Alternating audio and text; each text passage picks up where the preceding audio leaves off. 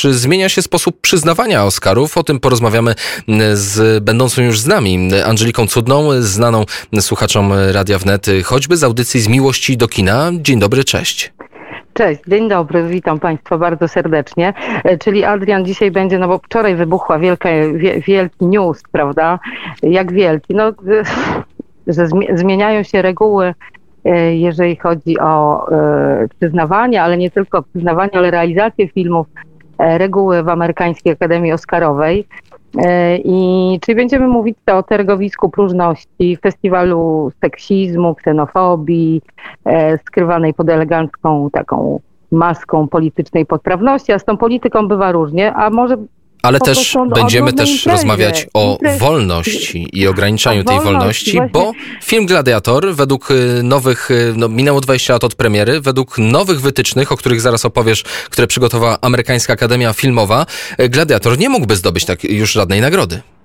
No wiesz, to jest w ogóle kino, które już odchodzi. To jest szerszy temat, tak? Bo też te wielkie kino, czy będzie jeszcze, będziemy chodzili do takich dużych kin, e, to, to już inny temat. E, przede wszystkim poprawność polityczna.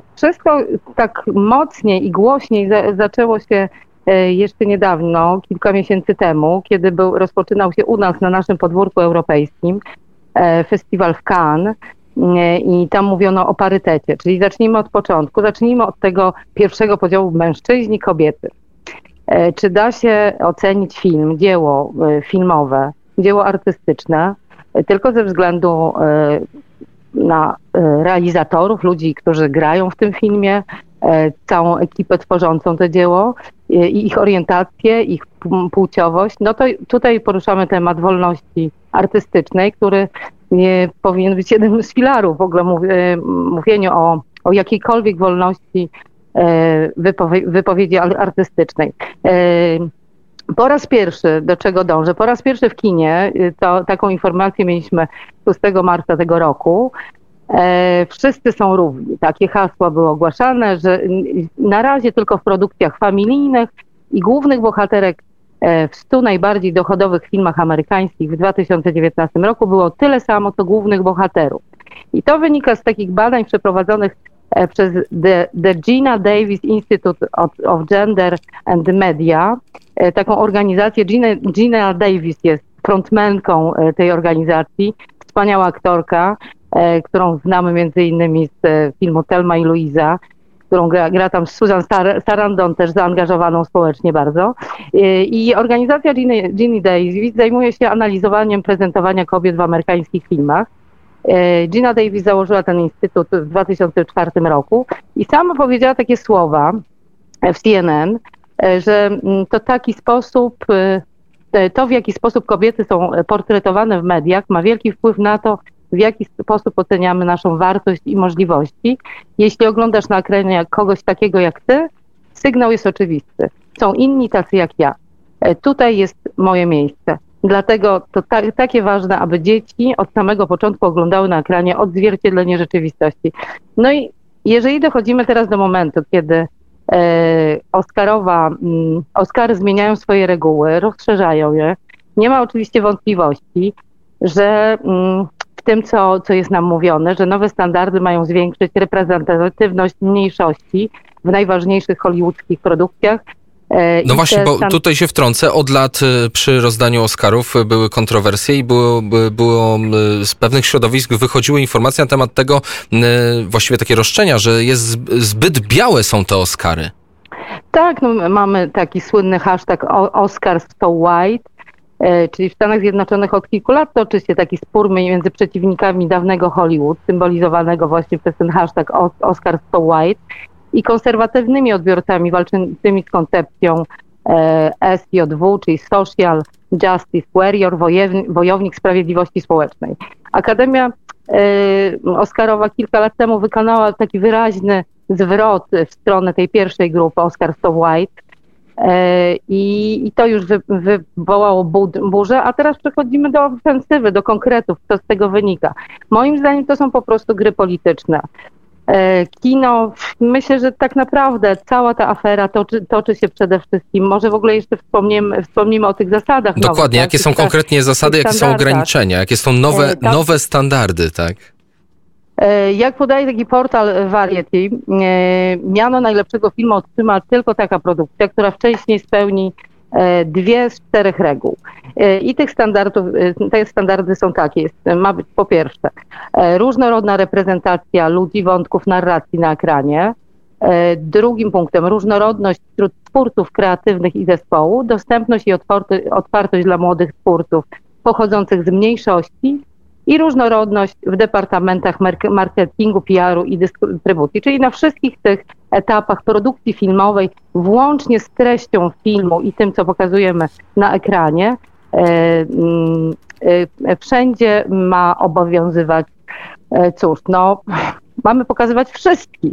Troszkę u niektórych, myślę, widzów z Polski może to budzić skojarzenia z taką cenzurą, prawda, z samozjadającym się wężem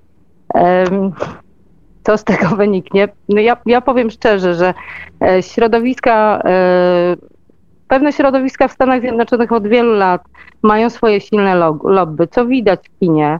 E, myślę, że cała sprawa Oscarowa to my powinniśmy ją obserwować bardziej tak jak krzyk upadającego kolosa Hollywood i, i całej, ca, całych Oscarów, które kruszą się już od wielu, wielu lat.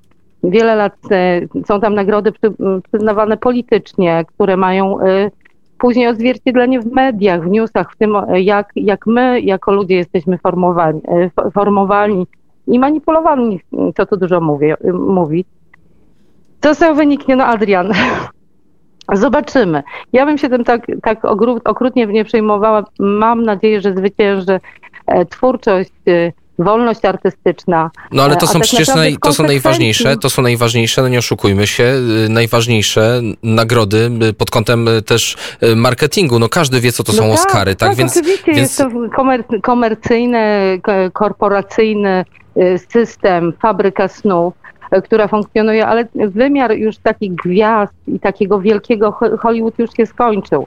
On już się kończył właśnie tak, jak zaczęliśmy naszą ro rozmowę, wspomniałeś o gladiatorze, E, już ci bohaterowie odchodzą.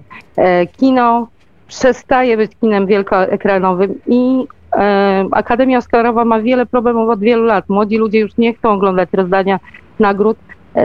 Twierdzą, że jest nudna, to jest nudna impreza, którą wypiera internet. Są inne nagrody. Przecież to widz ma ocenić tak naprawdę czy film jest dobry. Te filmy są do nas skierowane. Akademia Oscarowa liczy tylu członków, że absurdem jest po prostu branie pod uwagę tych wytycznych. To jest jasne, że one są polityczne. E, to, co się dzieje w tej chwili w Oscarach, oprócz tego, że to jest jeszcze tchnienie tego kolosa, który upada, e, którym jest Akademia Oscarowa, e, to też mówi nam o tym, o naszej rzeczywistości, w której w tej chwili żyjemy. E, nasze polskie podwórko przecież też są e, teraz rozmowy na temat różnych polskich filmów, e, które mm, z powodów, przeróżnych powodów, jak są ukazywani na przykład w starych polskich filmach, wybitnych arcydziełach filmowych, Ukraińcy, teraz nie wypada pewnych, czy Niemcy, ze względów historycznych, jak historia zostaje w tych filmach, w filmach pokazana, te filmy nie są pokazywane w ogóle publicznie wycofuje się ze względów po politycznych pewne tematy. Czyli co, mamy zmieniać historię? No właśnie nie. Myślę, że kino jest po to, żeby dyskutować, żeby, żeby poruszać różne tematy. Jeżeli chodzi o tematy mniejszości, mamy masę wspaniałego, zaangażowanego kina i odwa bądźmy odważni, oglądajmy takie kino. Chociażby film e, Emma, e, ostatni, e, ostatni, teraz można go widzieć, zobaczyć na, na ekranach. No, fantastyczna taka ledwo uchwytna e, historia mówiąca o tym, jak rewolucja seksualna wpływa na relacje. Piękne, plastyczne, poetyckie kino, współczesne. Bardzo serdecznie polecam, Emma.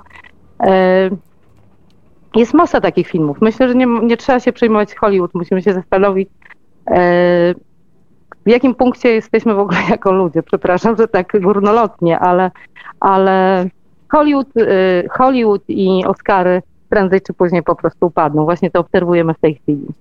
Czyli Hollywood y, się kończy, tak jak powiedziałaś? Ja myślę, wiesz, Adrianie, że przechodzimy też, ta pandemia pokazała y, bardzo ciekawe rzeczy.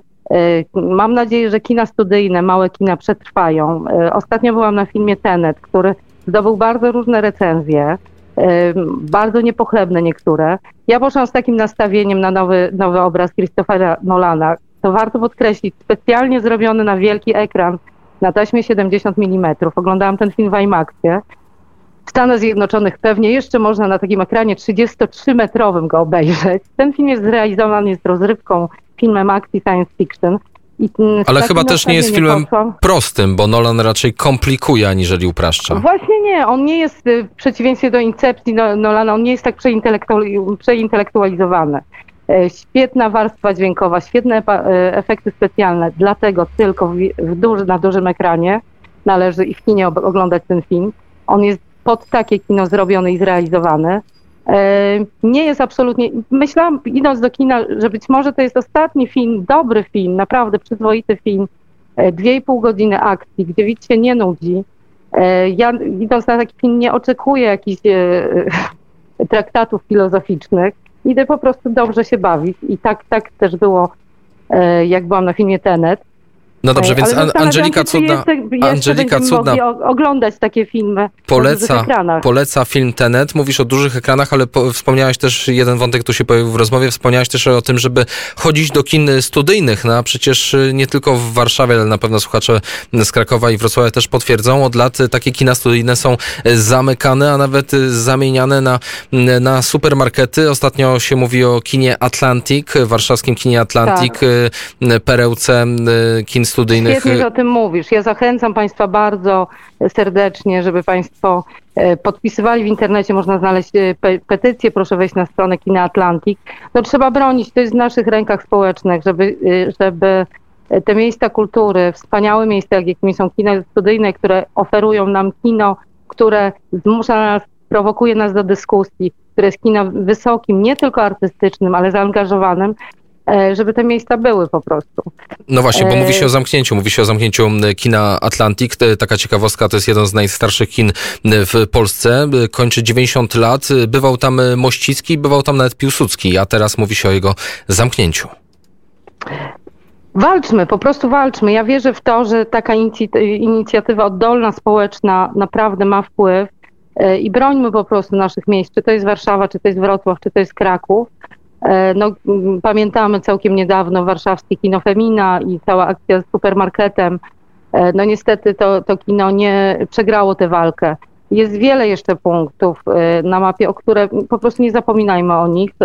Jeszcze raz strona Kina Atlantik, jest petycja do podpisania, żeby, żebyśmy mogli powalczyć właśnie o to, żeby takie miejsca były, bo wyjście do kina jest nie tylko obejrzeniem filmu, jest